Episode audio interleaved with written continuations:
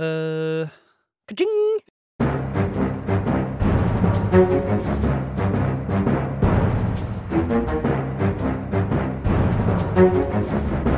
Sånn, da er vi i gang med denne ukens Aftenpodden. Eh, Vi sitter i studio, noen av oss. God morgen, god morgen, Sara Sørheim. God morgen. Eh, Er du, du er tilbake fra, fra utroskapen din? Ja, jeg er det. Jeg angra. Jeg håper dere vil ta meg hjem igjen. Vær så snill. Det var morsommere her.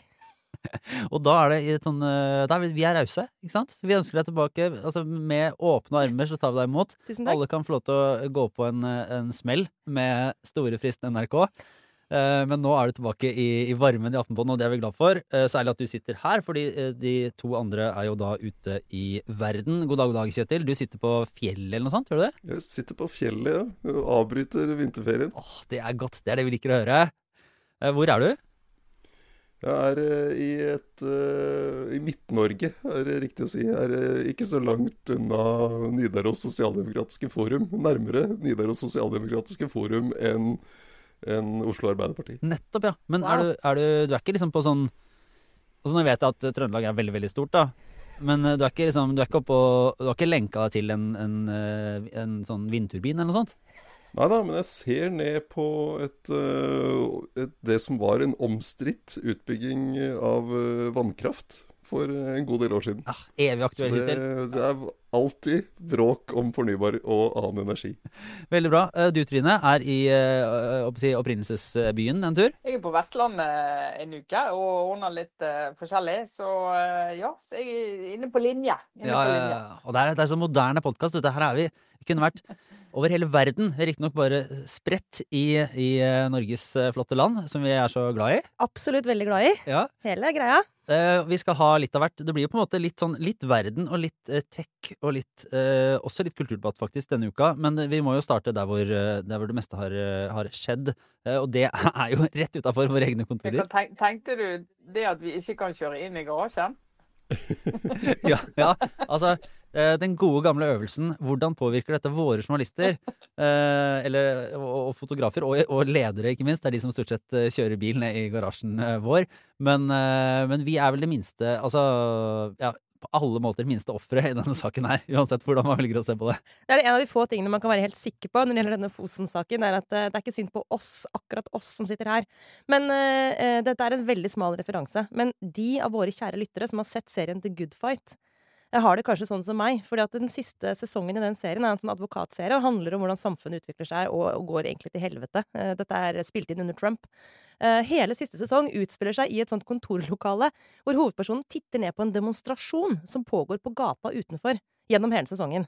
Og nå de siste dagene har jeg ikke klart å komme meg ut av at jeg, liksom, jeg er jo i den serien. Vi står jo sånne mennesker i kontorklær, og så titter vi ned på demonstrantene. Fordi de omringer jo hele vårt kontorbygg her i Akersgata. Eh, Og det er en litt sånn ekkel følelse, for jeg får veldig følelse at vi er på utsiden, og jeg ikke helt forstår hva som foregår der nede. Og det gjør jeg jo genuint ikke heller. Derfor er jeg glad for at vi har denne podkasten, også på egne vegne. Fordi denne saken, Lars, er eh, Hva skal vi si? Som Facebook, it's complicated. Ja, og i hvert fall eh, ja, det er utrolig mye å nøste i. Altså, vi kan egentlig bare begynne med Altså, er ikke dette her tilsynelatende en fantastisk effektiv og på en måte målretta og velplassert sånn sivil ulydighetsaksjon?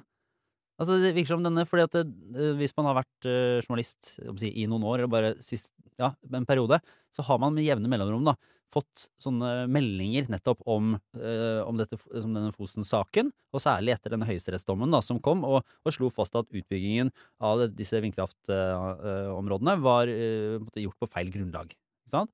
Så har det vært sånn påstand om dette må dere skrive mer om, har, det jo da stadig kommet eh, oppfordringer om. Eh, og det kan jo godt ha hatt rett i tidligere. Men nå har det jo bare virkelig sprengt dagsorden. Ja. Og det, det eneste i hermetegn som har skjedd, Kjetil, det er egentlig at eh, blant annet Greta Thunberg, da, det styrker jo temperaturen enda litt, hever den litt til, men har, har på en måte satt seg ned og satt det her på spissen. Det er ikke noe annet som, som har skjedd akkurat nå, sånn i sakens kjerne. Nei, de, de greide å treffe på en årsdag. Altså at det var 500 dager siden denne høyesterettsdommen, der, der eh, reineierne, eh, samiske reineierne på Fosen vant. Eh, og så, eh, så begynte det på torsdag forrige uke.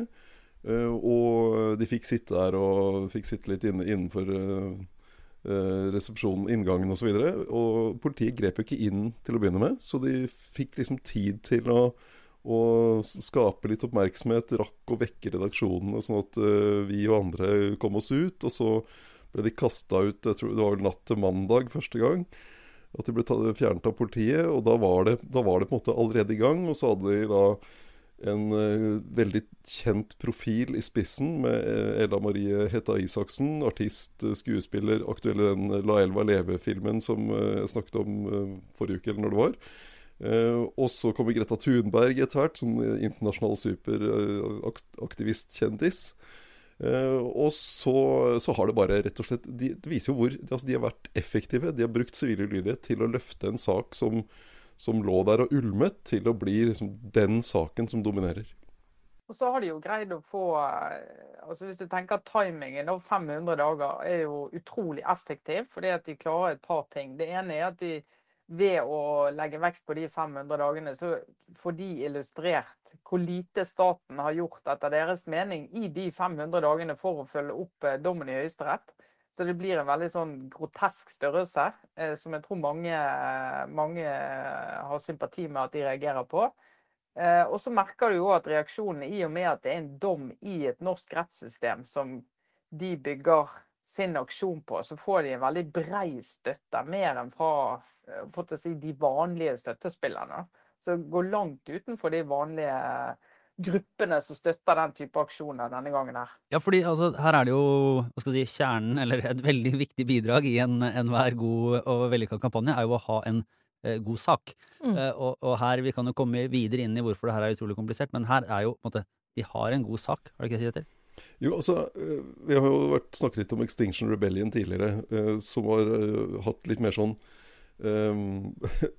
mer sånne stuntaksjoner. Limt seg fast et eller annet sted, eller søle med maling på kunst, eller noe sånne ting.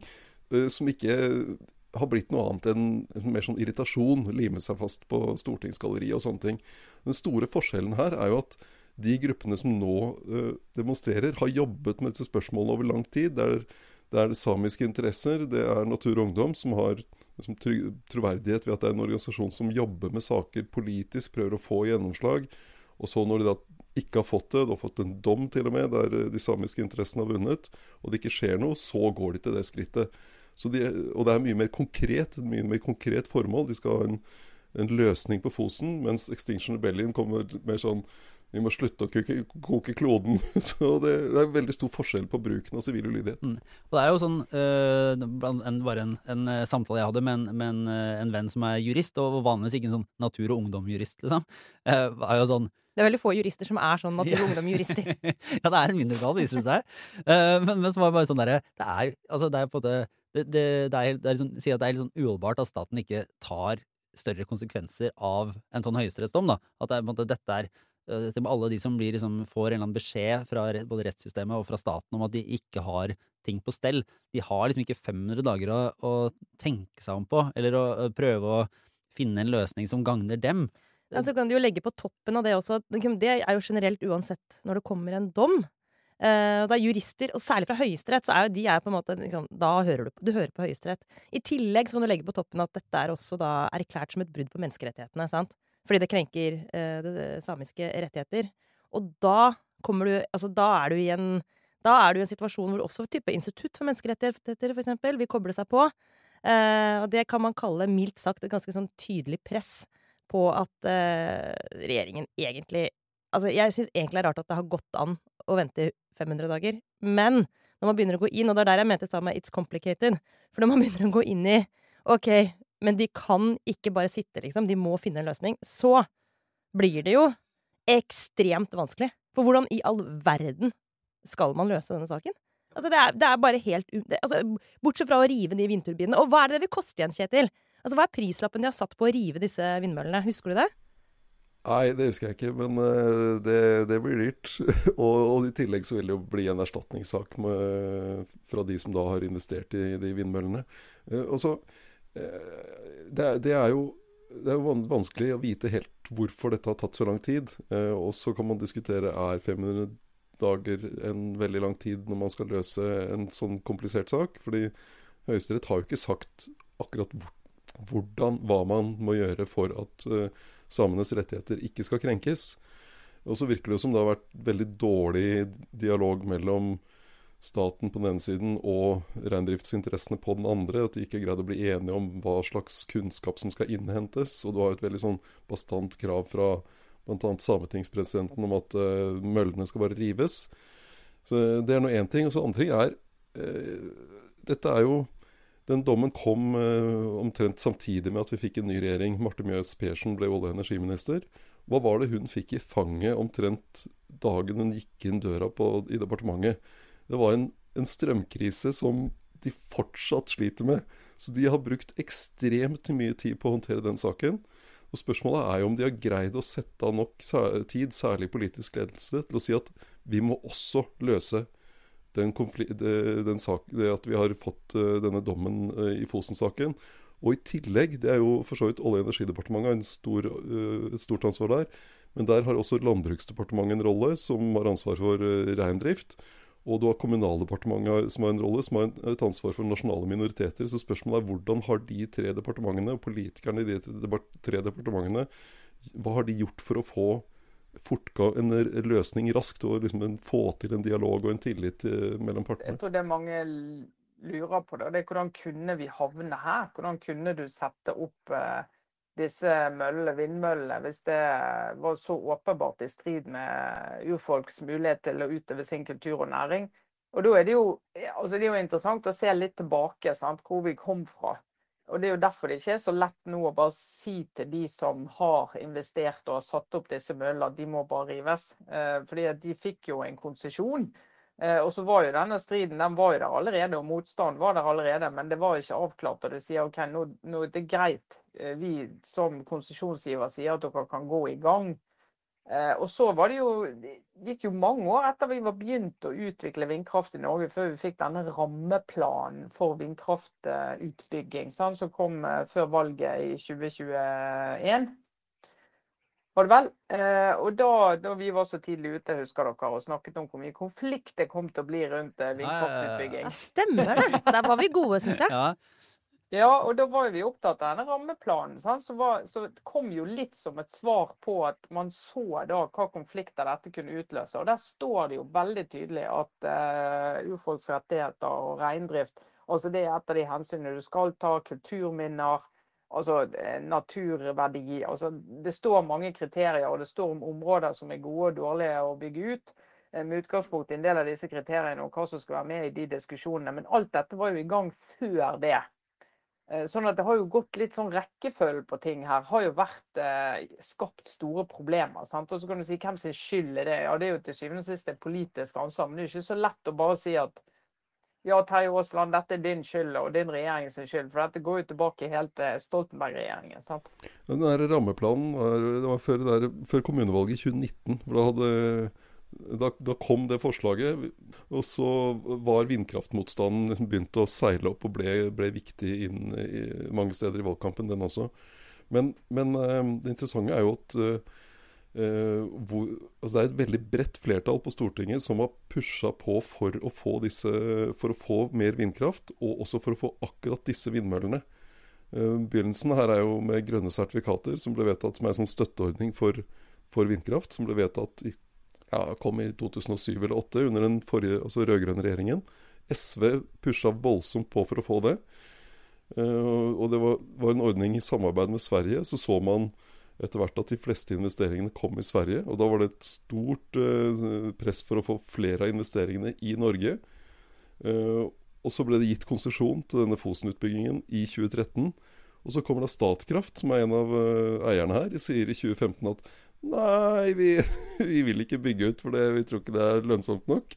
Og da var det sånn kjempekrav på at uh, daværende næringsminister Monica Mæland fra Høyre, som da var, er eier uh, for, av uh, Statkraft, skulle liksom presse selskapet til å gjennomføre utbyggingen likevel. Og det ble jo gjort, da. Sånn at det er veldig det er liksom, De fleste partier har en finger med i spillet her. og så ville jo dette her vært øh, det, ville jo åpenbart Altså det store, store bildet her, så ville det vært mye enklere hvis det var sånn øh, vi har bygd en dritsvær fornøyelsespark. eh, som er her for at folk skal ha det moro, liksom. Det er sånn, sånn paintball-anlegg eh, på, på Fosen som vi har brukt masse penger på. Uh, så er det sånn ja, Ok, det må vi bare rive. Det er liksom, det er en luksus. Det er noe som Det, det er ren underholdning. Vi kan ikke liksom Her er prioritering Vi enkelt. kan ikke leke Fangene på fortet på Nei, Fosen. Nei, det er bare det er enorme hopp i havet som har tatt over vinterbeitet til, eh, til reinsdyra. Nei, her er det jo liksom Det er jo en faktisk reelt behov for å bygge ut grønn energi i Norge. Det er, liksom, det er jo framtida, sånn som man snakker om det. Egentlig alle politikere, som du sier, Kjetil, snakker om at det her er, dette er det vi skal eh, måte, Vi må ha en omstilling. Vi må bort fra fossil energi. Vi må inn i dette her. Eh, Så det er jo et, Ja, to hvis- goder. Hvis man, ja, og hvis man liksom Dette vet jeg er eh, å vade inn i et veldig vanskelig terreng, men jeg gjør, jeg gjør det likevel. For hvis det var, la oss si, vanlig næringsvirksomhet i det området, da, som måtte vike, eh, som ikke hadde den beskyttelsen som, eh, som eh, samisk kultur og næringsvirksomhet har, og skal ha. Det har jeg, altså, du må ikke tolke det jeg sier nå som i betydningen at jeg mener at det nødvendigvis er galt, men det er et litt interessant tankeeksperiment. og Om det var en annen type næringsvirksomhet, så finnes det jo ikke noen som ville tenkt at, at det var viktigere å beskytte det enn det var gruvedrift, liksom. ja, ja, altså enn å, enn å gjøre noe med det kraftunderskuddet. Altså det, er, det oppleves som en så akutt problemstilling, eh, og noe som er på en måte helt, det er sånn, oppleves som helt avgjørende. For ikke bare eh, på miljøsiden å, å skaffe fornybar energi, men liksom for at, at vi skal klare å leve med den strømprisen vi har. Og da, i lys av det, Lars, så blir jeg også litt sånn eh, Tilbake til det der med det er komplisert. Altså det å skulle rive ned vindmøller som lager grønn energi for oss, og som bidrar til at vi kan få ned kraftprisene. Det, det, det kan, jeg kan ikke forstå at en olje- og energiminister i 2023 kan forsvare det. Nei, kan bare få si, nå har, nå har dere allerede, eh, lurer jeg på, begått et sånt, sånn, et slags sånn retorisk eh, feil, om ikke feilsteg, så er det det jeg har bare registrert i sosiale medier at det er veldig forskjell på å si Hvis man sier vindmøller, Ja. så gir det assosiasjoner til sånne Nederland og tulipaner. Eh, ja, så koselig sånn eh, lille jakk bor Ja, i ikke. Ja, ja. Mens eh, Nei, nei, nei. nei, nei, nei. Protest, Protest? eh, fra fjellet. Det gir assosiasjoner til Don Quijote og kamp mot villmøller. Det er det, den Ja, assosiasjonen du skal ha. Ja. Det er ufarliggjørende, eller liksom Men, men eh, så, så noen vi, får bare, vi, bare, vi bare ser av de som eventuelt protesterer og mener at dette heter vindturbiner, og det er eh, groteske store bygninger som, som er eh, ue, ja, uendelig og alltid store naturinngrep. Så vi er, vi bare, det, er en, det er en konflikt også der, uh, men det kan vi jo kan vi la gå. Vi skal, liksom, to, to ting på slutten her, egentlig. Er det uh, ok, hvis eh, riving er vanskelig, men uh, pekes på som den eneste løsningen, hvilket handlingsrom er det egentlig stakkars Jonas Gahr Støre og, og Terje Aasland har i dette her? Og, og liksom hvordan hva, hvilken Ja, betydning har endgame her? Ja, hvilken betydning har liksom løsningen her? Da ser jeg på deg, Kjetil, jeg som sitter oppe på fjellet og har nærhet til, eh, til dette her. Altså, jeg tror et smart trekk som uh, Terje Aasland gjorde i går, var at han ba om å få redegjøre for Stortinget. Eh, fordi eh, her gjelder det jo for, eh, for regjeringen å sikre seg støtte for det, hvordan de håndterer saken. Og det har eh, han jo eh, gått en god mulighet til, nettopp fordi, som jeg var inne på i stad, at det er så mange partier som har hatt en finger med i spillet her, og har pusha på for at disse eh, vindmølleturbinene skulle settes opp på Fosen. Eh, og så er jo også spørsmålet litt sånn var eh, eh, hvor same, eh, de samiske interessene vil ha den saken. Så, altså, tr tror de på at de skal eh, få til å bare få demontert disse anleggene, eller vil de være villige til å prøve å finne en, noen, noen løsninger som, som de kan leve med? Det er Akkurat nå virker jo den, eh, den dialogen rimelig eh, fastlåst, men det skal jo være møter nå eh, både i dag og, og, og fremover som kommer til å bli viktig der for å få, få dette på et annet spor. Da. Og til slutt så vil jo da eh, departementet, Olje- og energidepartementet vet, gi en ny konsesjon, en endret konsesjon. Og så, hvis det da ikke er enighet, så kan du få en ny runde i rettsapparatet. Nei, altså jeg bare tenker Det er jo litt av det som eh, de eh, aksjonistene og motstanderne av vindparken og, og, eh, sier at det er jo ikke sånn at vi raserer eh, norsk eh, fornybar eh, energi ved å gjøre dette. fordi at det er mulig å flytte disse turbinene, møllene, til et annet sted. Og det sier de, det har jo en kostnad, men det er jo ikke vårt ansvar. Det er jo dere som har gått på en smell i Høyesterett om å sørge for å gjenopprette dette. Eh, Men så er det jo, tror jeg, litt av frustrasjonen fra si, den siden som nå har gjort disse investeringene og staten og sånn, er vel utfordringen med å komme i en samtale om finnes det andre, finnes det noen kompromisser, finnes det noe vi kan gjøre med måten disse møllene virker på når reinsdyrene kommer i nærheten, finnes det noe vi kan gjøre med beiteområder. og så går det an å komme i dialog med det. og det jo, hvis, hvis det er veldig sånn hardt, nei, det er riv de eller ingenting, så tror jeg det blir en, en dialog som ja, Du kan ikke kalle det egentlig en dialog, da. Da er det bare å slå fast at vi er uenige. Hvis noen lurer på hvordan disse vindmaskinene faktisk ser ut, så kan jeg jo anbefale, jeg som er relativt nøytral her i forhold til dere, når det gjelder Aftenposten, eh, den videoen eller filmen som ligger ute på aftenposten.no som heter Regn og vind, tror jeg. Hvis ikke jeg tar helt feil. Eh, Regn som i reinsdyr. Artig ordspill. Men det er en kort film som uh, tar oss med opp til Fosen, hvor vi møter en av de som driver reindrift der. Uh, og som egentlig er veldig sånn deskriptiv, selv om den selvfølgelig fortelles ut fra hans ståsted. Så er det likevel en veldig effektiv måte å få sett hva er det vi snakker om når vi snakker om disse vindturbinene? Hvordan er det de griper inn i terrenget der? Og for meg som jo Det kommer ikke som noe sjokk sikkert på våre lyttere. Altså, jeg har ikke vært så innmari mye og sett på sånne vindmøller, da, oppe i fjellet. Så, så det var nyttig. Så det anbefaler jeg alle sånne Ring 2-3-folk som meg å gjøre. fordi at den gir et ganske greit bilde av at man forstår jo da, når man ser den lille filmen, at selvfølgelig er dette en utfordring for de stakkars dyra. Det er liksom greit å bare få det også svart på hvitt. Men, Den anbefaler jeg. men er, det, er det sånn uh, at, de, at staten bare kan si, eller, eller disse utbyggerne kan si sånn Hei, uh, disse var det seks familier, eller som, som måtte er liksom konkrete saken, kan si sånn Ja, dere får en milliard. Det hadde vært en veldig Eh, norsk måte å løse det på. Det hadde vært en utrolig unorsk måte å løse det på, egentlig. Nei, veldig norsk. Altså, det er jo, ja, altså, vi kjøper jo Vi har en lang tradisjon for at politikere kjøper seg ut av problemer. Ja, ja, det er jo si. Selve liksom gullstandarden. Så ja, altså hvor mye skal dere ha? Som, sånn, har det en pris? Og så, og så er det sånn Dette vil koste oss mange hundre millioner å fjerne, rent sånn konkret. Eh, vi vil drive det.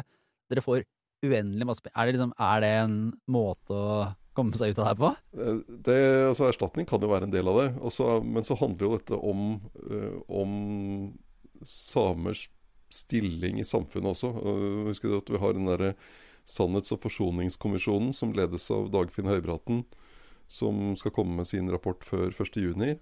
Om bl.a. For, fornorskningspolitikken overfor samer og andre, som jo blir et uh, kraftig oppgjør. Eh, og så utløser dette Det har jo fått fram også de konfliktene som er arealkonfliktene, som er særlig i Finnmark, men også andre steder, mellom samiske interesser og andre interesser. Bl.a. det å få bygd kraftlinjer, det å få bygd vindkraftverk andre steder, det å få gjøre rom for uh, ulike typer industri og næringsaktivitet. Der du har sett at det er du, Her er det konflikter som er uh, vanskelige og vonde, i, i, særlig i Nord-Norge. Så det mm, Fosen er én ting, men eh, det er flere sånne vanskelige situasjoner, da. Så selv om man skulle kommet med en kjempesjekk, så, er det, så, ligger, det noen andre utfordringer der på enden. Det, Ja, ja. det, det er større enn de familiene, sant. Det Ja. er jo det. Mye større enn det. Og egentlig handler det om altså, det kommer til å bli, ja, ja, hele liksom industri Altså, hvordan skal man utnytte naturressursene i den nordlige delen av Norge i årene som kommer, uten å gå på kompromisser med, med hensynet til å bevare naturen? Altså, det der er bare en helt sånn klink eh, vanskelig problemstilling som For så vidt, da, uten å skal vi gå videre, men det går jo tvers igjennom altså, hensynet mellom Altså konflikten mellom miljø og klima, da.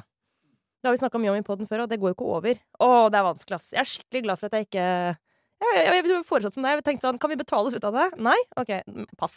Men det er det, er det City-departementet har gjort. Bare på dag én så var det sånn «Ja, Kan vi bruke noen hundre millioner på det her, eller? Altså, nei, det er ikke løsning.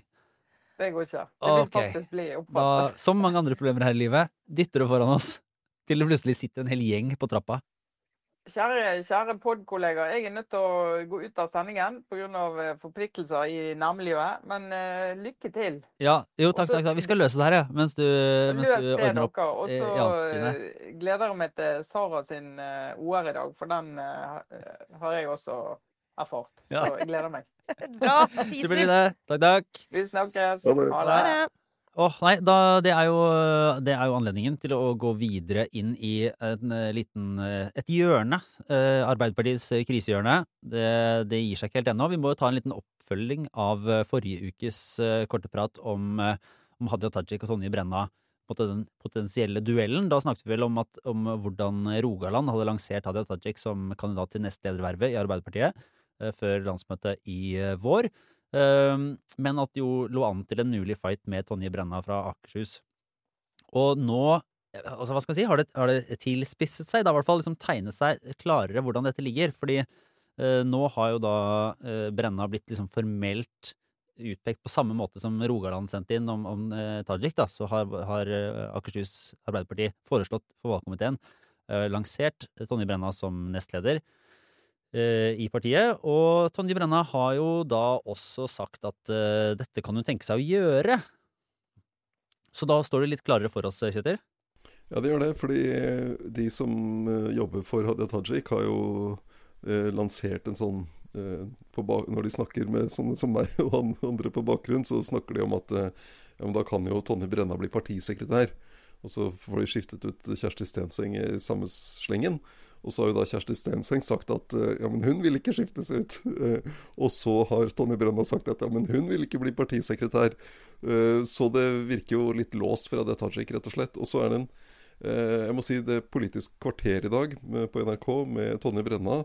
Der kommer hun veldig godt ut. Og Én ting er det at hun, bare, bare det at hun stiller opp. Hadia Tajik har jo ikke vært ute på den måten og, og forklart hvorfor hun, hun vil eh, vil ha det vervet tilbake. Ja, og, og eh, bare Tajik for å si det, har jo heller Hun har på en måte vært rundere i formuleringen. Fordi Tonje Brenna har sagt nå at ja, jeg vil gjerne bli nestleder. Mm. Ikke sant? Hadia Tajik har vel foreløpig sagt, og det snakket hun om forrige uke, at sånn jeg vil gjerne bidra i ledelsen av partiet. Og det høres jo på en måte veldig likt ut, men, men det er en retrettmulighet for Hadia Tajik fortsatt til å si sånn ja, sentralstyret, definitivt ledelsen. Mm. Hvis han Stiller seg til disposisjon. Det er ikke like tydelig sånn sett. Og det er jo spørsmålet. Det som ble, ble spekulert på i, allerede i forrige uke, var jo Kommer Rogaland med dette utspillet om Hadia Tajik som eh, ny nestleder igjen?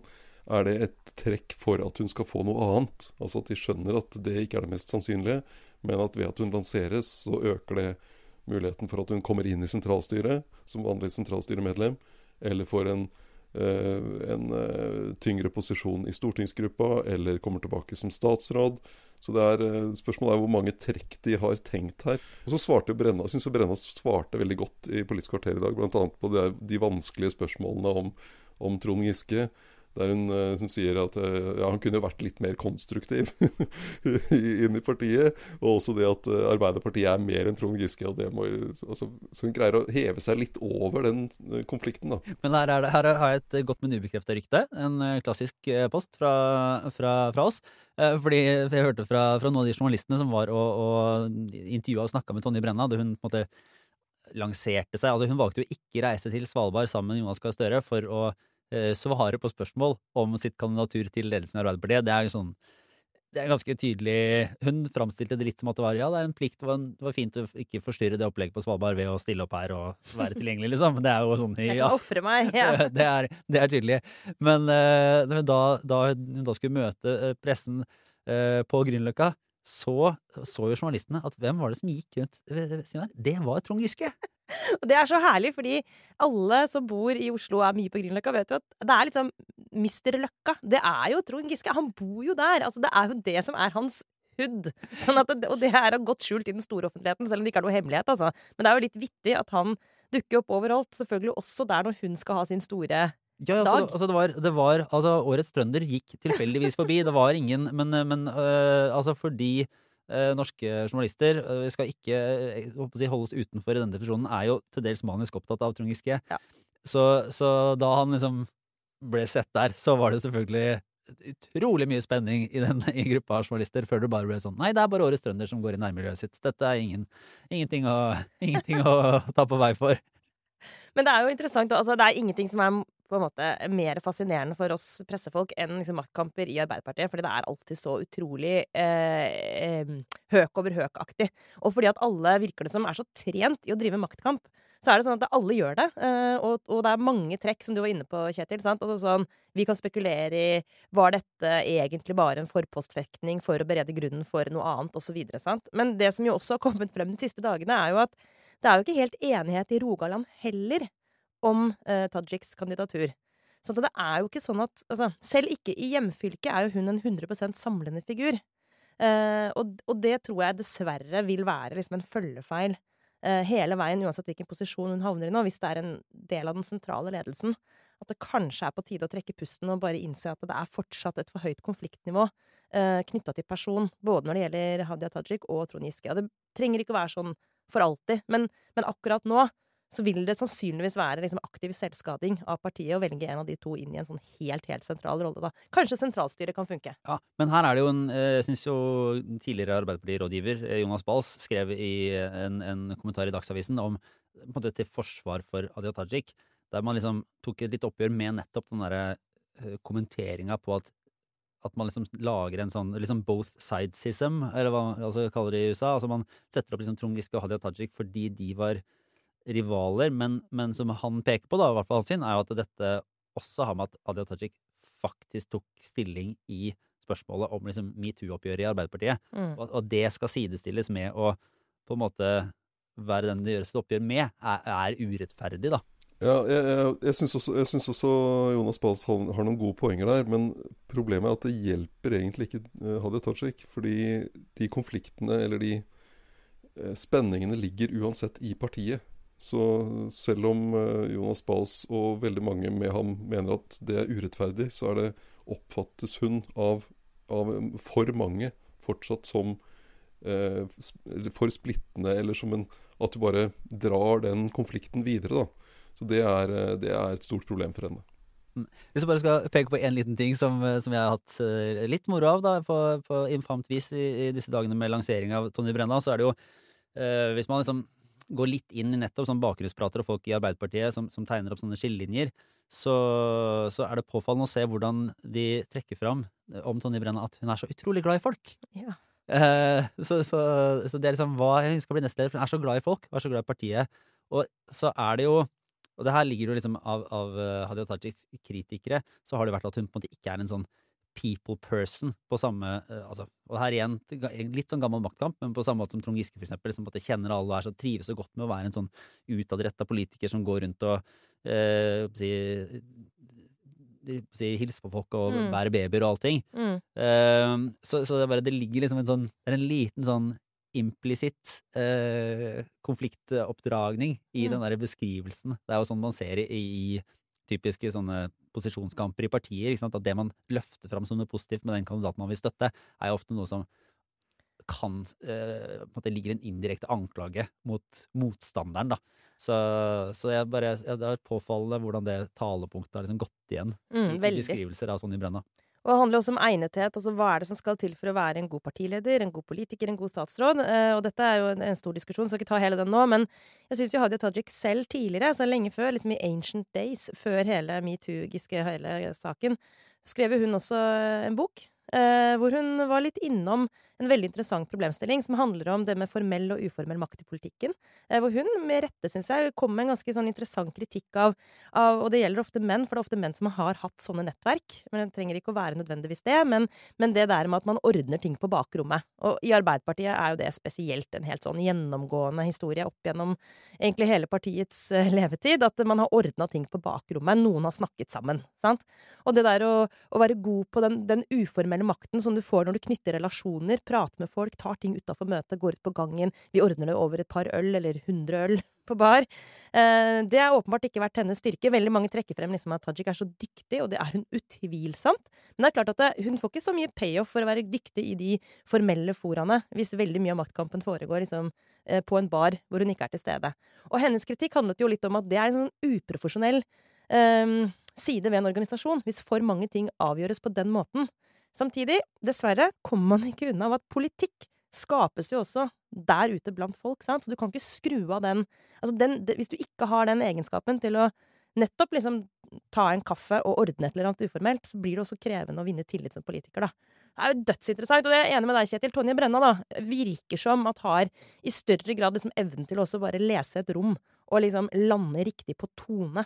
Og det kan jo hende at blir helt avgjørende nå eh, for det partiet som jo trenger noen som bare ikke skaper Ikke egger til mer konflikt. Og så er det jo bare det som også ligger til grunn selvfølgelig i noe av kritikken fra selv Rogaland, men det, vi trenger ikke gå inn i det nå, er jo at, at måtte, spørsmålet om den, hele den pendlerboligsaken og, og, disse dokumentene til Hadia Tajik måtte, er avklart nok, eller om det på en måte er sona ferdig. Altså, det var en grunn til at hun gikk av. Uh, så da er spørsmålet om det er liksom for tidlig å komme tilbake, og det er noe, det er noe så. Men jeg tror vi går videre til en, en eh, runde med obligatorisk refleksjon. Der er, det, der er det litt av hvert å ta tak i. Uh, har du lyst til å begynne? Det er, det fortsatt, er det litt sånn eh, kulturkampoppfølging? Ja, det er faktisk det. Eh, Det, det ble jo teaset av Trine, som jo ikke er her nå, men som har, hun og jeg har, har hørt på samme podkast denne uka.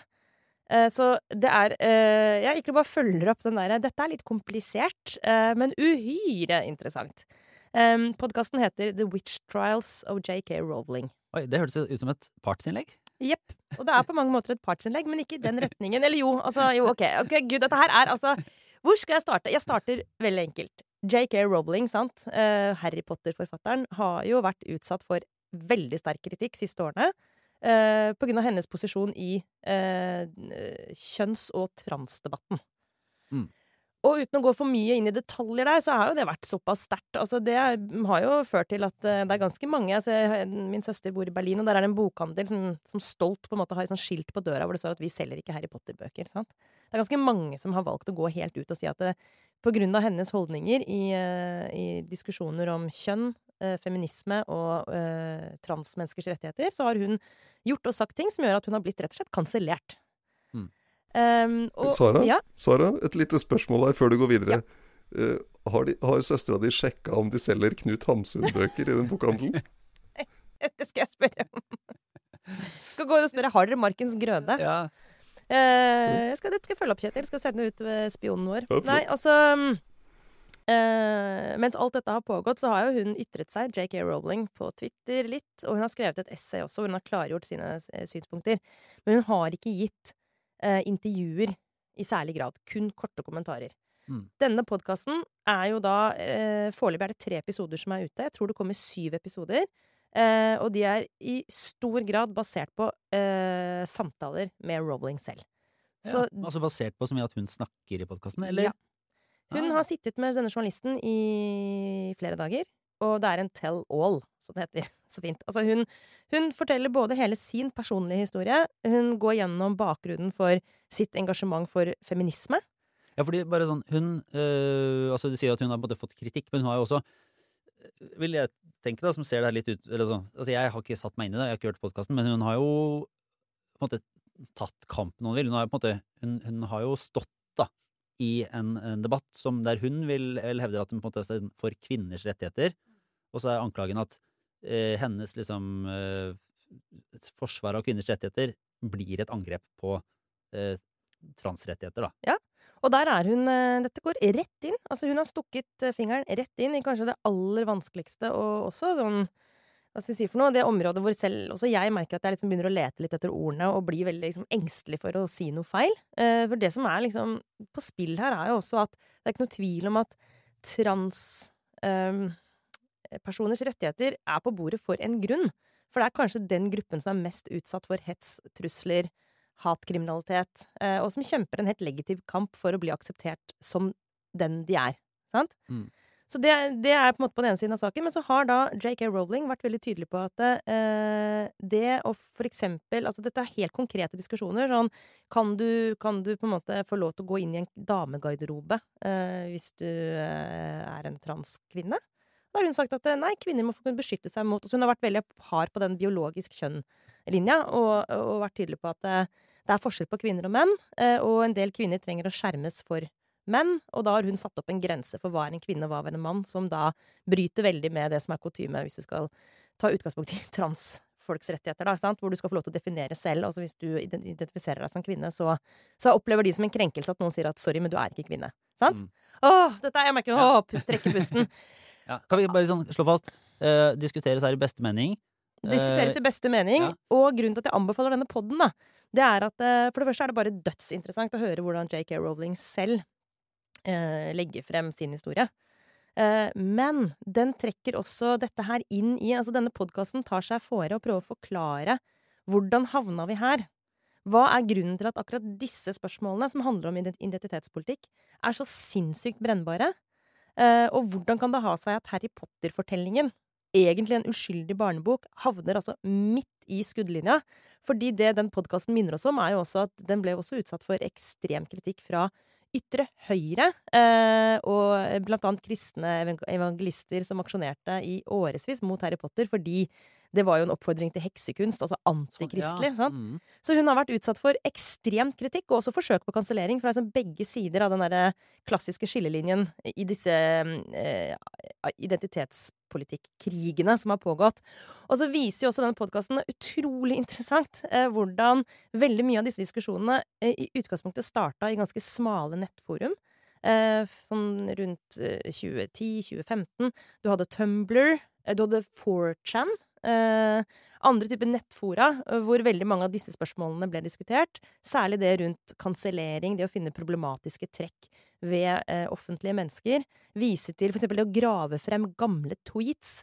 Og løfte opp igjen og holde frem eh, når noen mennesker liksom bryter gjennom i offentligheten og sier men se Ja, hva du skrev mhm. for ti år siden, og dermed liksom egentlig bare få kansellert et menneske. Ja, ja. Motstemmen ville vært sånn Ja, men det, det, det er jo en, på en en verdifull research for å forstå hvem som, hvem som havner i offentlighetens søkelys. Hva de kanskje har ment når de ikke polerte Absolutt. synet sitt så voldsomt. Altså Poenget er ikke å undergrave den Det betyr, trenger ikke nødvendigvis være noe gærent med å, med å, å gjøre, altså, opptre på den måten. Det denne podkasten trekker frem, er at det foregikk på et tidspunkt i ganske smale fora. Så kom den diskusjonen på en måte ut på Twitter. Og hvem er det som er på Twitter? Jo, journalister. Så det er en veldig interessant fortelling også om hvordan en del diskusjoner har liksom tatt av i uh, mainstream media, når liksom litt mindre sosiale Altså, medier-kanaler På grunnlag av relativt egentlig opprinnelige små diskusjoner. Mm, og Ja. Så kanskje, da, og det er her dette begynner å bli uh, kanskje et partsinnlegg i større grad enn en nøytral fremstilling, så løfter i hvert fall denne podkasten spørsmålet eh, Er det sånn, ledende spørsmål, men er det sånn i, i den offentligheten vi har nå, at relativt smale problemstillinger blir gjort enormt mye større enn det de strengt tatt er? Og at eh, det som kommer frem av virkelig spisse diskusjoner i, som, i, i, i media, strengt tatt ikke er representativt for hva som foregår liksom, der ute, hvis du hadde lagt øret til bakken. Da. Sant? Mm. Og da syns jeg dette Jeg syns dette blir utrolig interessant at vi liksom vi, har, vi, er, en, vi er i en ekstremt brennbar eh, offentlig Hva skal vi kalle det for noe? Altså Klimaet i offentligheten er ekstremt sånn antennelig. Eh, og hva er vårt ansvar for at det har skjedd? Det er egentlig kjernen i denne fortellingen, da. Hvor JK Rowling egentlig bare blir et bilde på hvordan man kan ende opp med egentlig å stå midt i skuddlinja når du strengt tatt egentlig kanskje ikke har gjort veldig mye mer enn å sende ut fire-fem tweets. sant? Ja, ikke sant. Ja. Kjetil, hvordan synes du Gi meg en evaluering direkte her nå. Var dette en eh, Tenkte du sånn nå må Sara melde seg av internett, eller, eh, eller hang du med? Klarte nei, å finne nei, jeg tenker her? at uh, Jeg, jeg, syns, det er veldig interessant. Og det jeg lurer på Jeg har jo ikke hørt den, så det jeg lurer på er om man, om man sitter igjen med en følelse av at her er det Altså, er de som har lagd den podkastserien eh, Konfronterer de henne nok? Eller henter de fram nok de som, er, de som har kritisert henne, og de poengene de måtte ha hatt, sånn at du får eh, Sånn at det ikke blir en, på en måte en, en enetall hennes forsvarstale, da. Det er et veldig bra spørsmål. For det, det her er nemlig, hvis dere orker, bare et kjapp enda et lag. Ja. ikke sant? Det er alltid eh, et lag til. Fordi, hold dere fast, denne podkasten, som jeg mener er uhyre interessant, også veldig god, men den er utgitt av noe som heter The Free Press, som er en eh, ganske ny organisasjon, eh, medievirksomhet, i USA. Og vet dere hvem som har startet Free Press? Det er Barry Wise. Hun som sluttet uh, i New York Times under store protester, fordi hun mente at New York Times hadde blitt altfor politisk korrekt. Og hun er jo klassisk sånn stemme som blir assosiert med en mye mer sånn høyre tilnærming til disse store eh, spørsmålene i vår tid. Da. Og som har vært en veldig tydelig stemme i kampen mot eh, woke, kan du si. da, ikke sant? Og, vært et eh, veldig sånn klart alternativ der. Og som jo eh, skrev et sånt eh, avskjedsbrev da hun slutta i New York Times. Hun slaktet New York Times. Og, og nå tar jeg det på husken her, altså, for bare unnskylde meg for eh, mulig upresis eh, gjenfortelling, men hvor hun egentlig bare sa at denne redaksjonen her har, liksom, de har mistet seg selv. De driver ikke, ikke lenger kritisk journalistikk, men er på en måte driver med politikk og aktivisme. Og er på en måte helt bare kjøpt og betalt av en type politisk korrekt uh, woke eh, kultur, venstreside. Nettopp, ja, sånn, sett, sånn, sånn, at hvis man, eh, sånn at de som er kritikere av både Barrywise og av, eh, av J.K. Rowling, Yes. kommer, kommer ikke nødvendigvis til å tenke at De kommer til å si akkurat det Kjetil Eller de har allerede sagt eh, høylytt på internett. Hvis dere googler The Witch Trials og JK Rowling, så vil det første det som kommer opp, er masse kommentarer som sier at dette er helt eh, biased. eh, her er det Barry Wise som står bak. Dette kan vi ikke stole på. De stiller ingen kritiske spørsmål. Transpersoners stemmer kommer ikke godt nok frem. Dette er et forsøk på å på en måte holde et innlegg for JK Rowling forkledd som objektiv journalistikk. Så jeg kan bare runde av med å si at liksom, dere må bare høre sjøl og gjøre opp deres egen mening. Eh, men jeg vil bare si at det, det å høre JK Rowling selv fortelle sin historie, det mener jeg det har, det har verdi. Objektivt sett så er et stort problem i sånne diskusjoner er at du ikke får tak i kilden. Du får ikke høre hva liksom, den omstridte personen mener selv. Så for meg, i hvert fall som journalist, så tenker jeg sånn, det kan umulig være feil at hennes stemme kommer frem. Og så får folk heller høre selv og gjøre seg opp sin egen mening, da. Men uh, fy fader, ass. Det er bare Det er fire episoder igjen, tror jeg. Og eh, jeg merker at liksom dette her En ting er at det er interessant, men det er også så vanvittig sånn fingeren på pulsen på de tingene som er virkelig vanskelig og komplisert i liksom den kulturdebatten som pågår nå. Ha. Så ja, anbefaling, da. Ja, nettopp. Jeg, eh, jeg, kan, eh, jeg tror jeg egentlig kan fortsette, siden jeg er liksom i podkast-anbefalingsmodus. Fordi jeg har jo egentlig brukt en del tankekraft de siste månedene på, på hele den lanseringa av nye sånne kunstig intelligens-verdenen. Det er dumt av deg å bruke tankekraft på det, da, for det er jo det egentlig hele jo- poenget at du ja. skal slippe. Det er et stort paradoks. Det kunne jo bare Det kan man jo spørre disse chatbotene om, da, og få, få svar og alt mulig rart. Please en help me, how can I stop thinking? ja. Og da viser det seg Det eh, kan de jo gladelig ta over eh, hvis man, hvis man tror disse chatbotene. Det er en, eh, en podkast altså den heter eh, Hard Fork. Så er det New York Times eh, sin, eh, sin faktisk sånn teknologi, sosiale medier-podkast. Som, eh, som er, er morsom å høre på, men som også tar for seg en sak som, som har vært eh, skrevet, og ganske mye omtalt, egentlig. Der en av disse journalistene har satt seg ned, eh, fint nok, på liksom eh, Valentine's Day, og hadde en lang, sånn dyp samtale med, eh, med Bing, som vel er Microsoft sin, eh, sin sånne eh, kunstig intelligens. Som eh, Det er ikke noe spoiler, egentlig, men poenget er at det ender opp med en veldig sånn ganske skremmende samtale, der denne eh, Bing sier at, at eh, den ikke vil være en chatbot, vil være et menneske, eh, har lyst til å bare ødelegge masse greier, og elsker denne journalisten. Ja, og, og, og ender opp med at eh, roboten, eller hva hva vi skal kalle det for noe, A1, begynner å si sånn Du er egentlig ikke lykkelig i forholdet Ja, du elsker ikke kona di, du elsker meg. Og jeg elsker deg. Og jeg elsker deg. Og da, da er det sånn Hvem er du? Hva skjer her nå? Og det kan jo si også, Lars, da, før du går videre, at han har jo Det er interessant å se at han har med vilje prøvd å manipulere botten da, gjennom å stille liksom spørsmål som skal på en måte Han har prøvd å vippe den av pinnen. Eh, det var litt sånn man against the machine-opplegg, liksom. Han kommentatoren her skulle på en måte Nå skal jeg stille masse vanskelige spørsmål. Men det var bare det at eh, han ble tatt helt på senga av hvor fort dette gikk liksom inn i det dypeste mørket, på en måte. Og hvor drøy denne kunstige intelligensen ble. Og raskt, egentlig. ja, ja, det blir sånn stalker-aktig. Og så var det jo øh, Og så er det jo interessant, for at de diskuterer det ganske godt, da, for de har jo peil og, og, og ser liksom på de, Ikke fordeler og ulemper, men, men nyanser i hvordan det her kan oppstå. Eh, og spørsmålet er jo litt om dette skjer fordi at man på en måte oppdager kunstig intelligens sin sanne natur, som, som er liksom det konkrete de egentlig har spurt om. Har du et sånt skyggesel? Hva, hvem er du?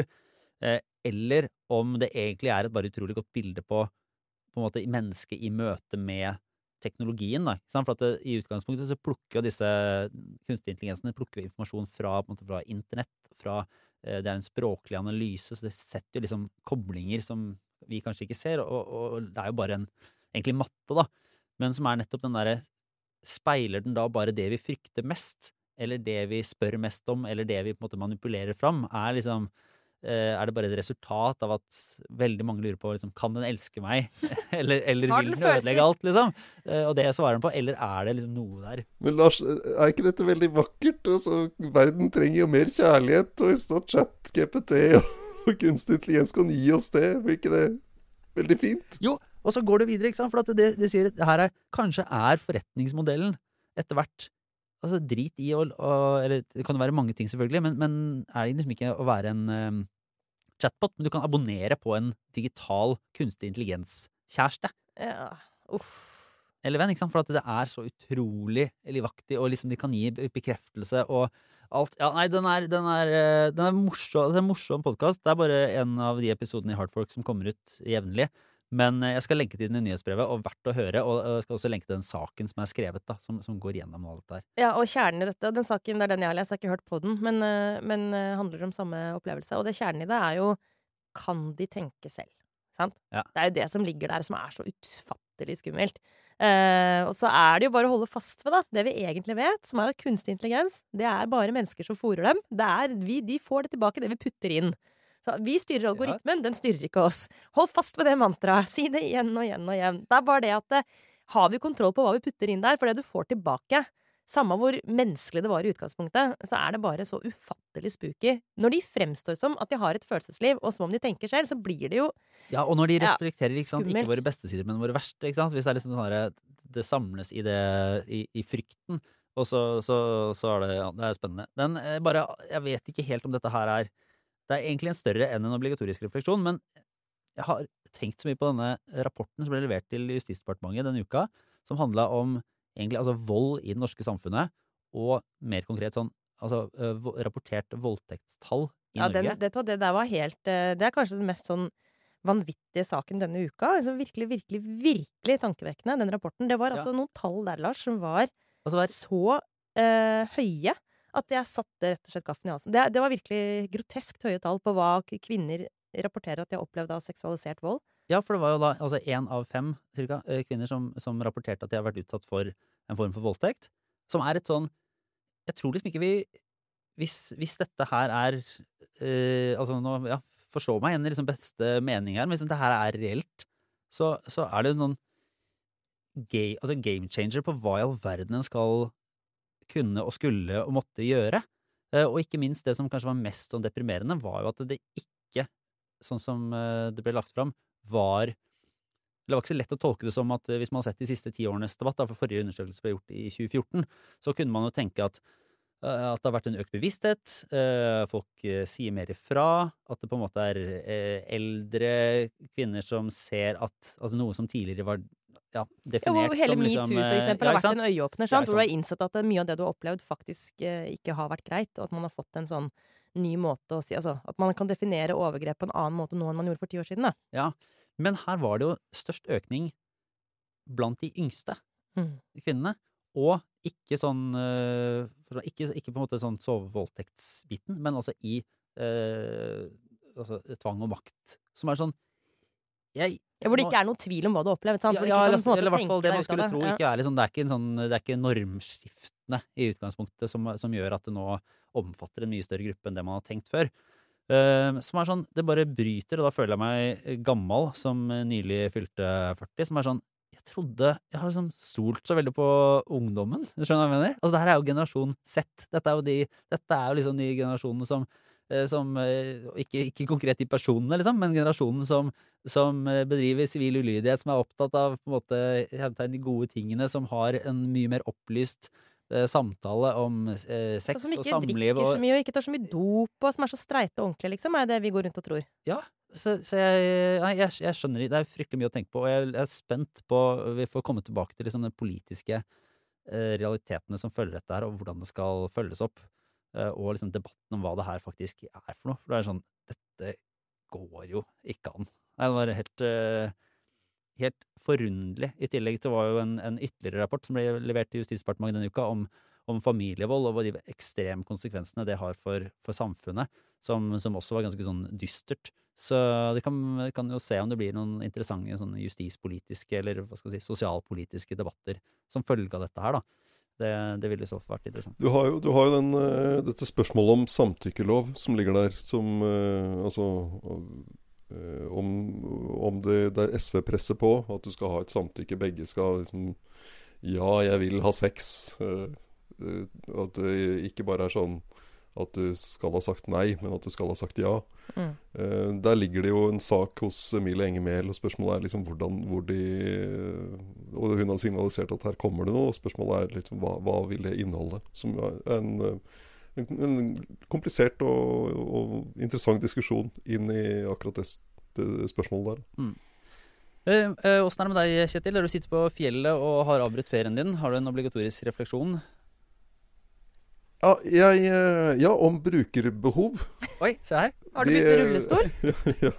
ja, Forsiktig, Sara. nei. Det klipper vi ut av nytt Jeg, jeg, snakker, jeg tenker på Eh, I mediene Altså, vi snakker jo mye om brukerbehov i Aftenpostens redaksjon og i andre medier og sånn. Hva, det- hva er det folk er opptatt av nå? ikke sant? Hva er det de trenger å vite? Hva eh, Hvis det nærmer seg Hvis det er, nærmer seg helg i februar, ikke sant, så lurer folk i Oslo på hvordan er skiferie i marka, eller hva betyr egentlig den talen fra Putin? Eh, sånne ting. Det er liksom moderne journalistikk som skal tre treffe folk når de, når de liksom lurer på noe. Så skal vi prøve å være tett på og, og serve dem, gjøre at de liksom er bedre i stand til å eh, leve livene sine og være oppdatert. Positiv eh, ting, ikke sant? Ja, ikke sant. Du ser ting Vi ser at her skjer det masse i sosiale medier rundt Sofie Elise og et bilde av en, en dame med en plastpose. Veldig liten plastpose. Eh, hva slags journalistikk, eh, fornuftig journalistikk kan vi lage om det? Eh, egentlig en god ting.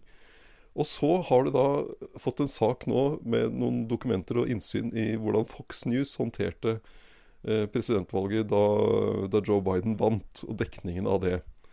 Eh, og de var jo tidlig ute med å si at eh, Joe Biden har vunnet Arizona. eh, og da var det jo dårlige muligheter for Donald Trump.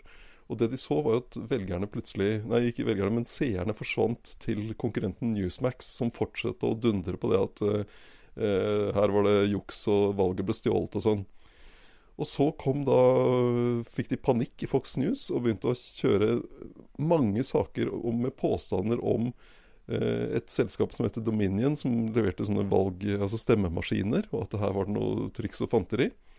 Eh, og de dokumentene viser jo at de trodde jo ikke på det, men de så at eh, eh, at dette ga Det kunne hjelpe seertallene opp igjen. Så altså, det var et brukerbehov for løgn. Nettopp, ja. Som jo er et uh, vrengeversjonen av, av uh, akkurat den måten å tenke på det. Og de var jo bekymra for aksjekursen som falt og alt mulig.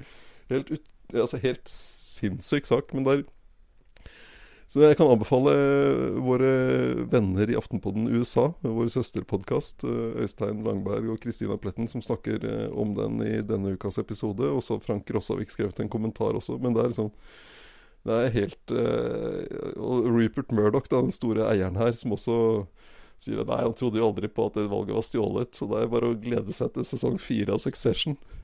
Men det er jo bare for å, bare for å være en sånn, sånn det, det er utrolig fjernt fra eh, virkeligheten i norske medier. Ja, men jeg kjenner at jeg blir også forbanna når jeg hører om det. Altså sånn på ekte. Jeg blir sånn rasende. For at dette her er eh, Ja, du har rett. Ikke noe som noen norske redaksjoner ville gjort. Men vi er tett knytta til, eh, til USA og kultur- og mediedebatten der. Og dette er så rammende generelt da, for tilliten til, til media. Det rammer jo oss også. Og det er, det er så eklatant brudd på den kontrakten som man har med, ja, med brukerne, da. At eh, jeg er liksom usikker på om det er noe vei tilbake. Altså, jeg tenker sånn, Da eh, kan Fox News på noe som helst tidspunkt bli noe annet nå enn en propagandakanal eh, for en viss del av amerikansk politikk, liksom. Altså, det er på en måte, det er, her er sånn, Du har at selvskadet deg på en måte som gjør at jeg tror du bare Nå er du ferdig, hvis du gjør sånt. Men det er jo litt interessant, og det- det skal jo ikke Det her skal ikke være en sånn both sidesism. Men eh, hvis man tar liksom en litt sånn større bilde på det, så er jo det der Fox News-opplegget som, som, eh, som virker veldig alvorlig. Og jeg tenker det er sånn Ja, det er eh, sier journalistisk eh, korrupt, eh, virker det som, dette som har skjedd der.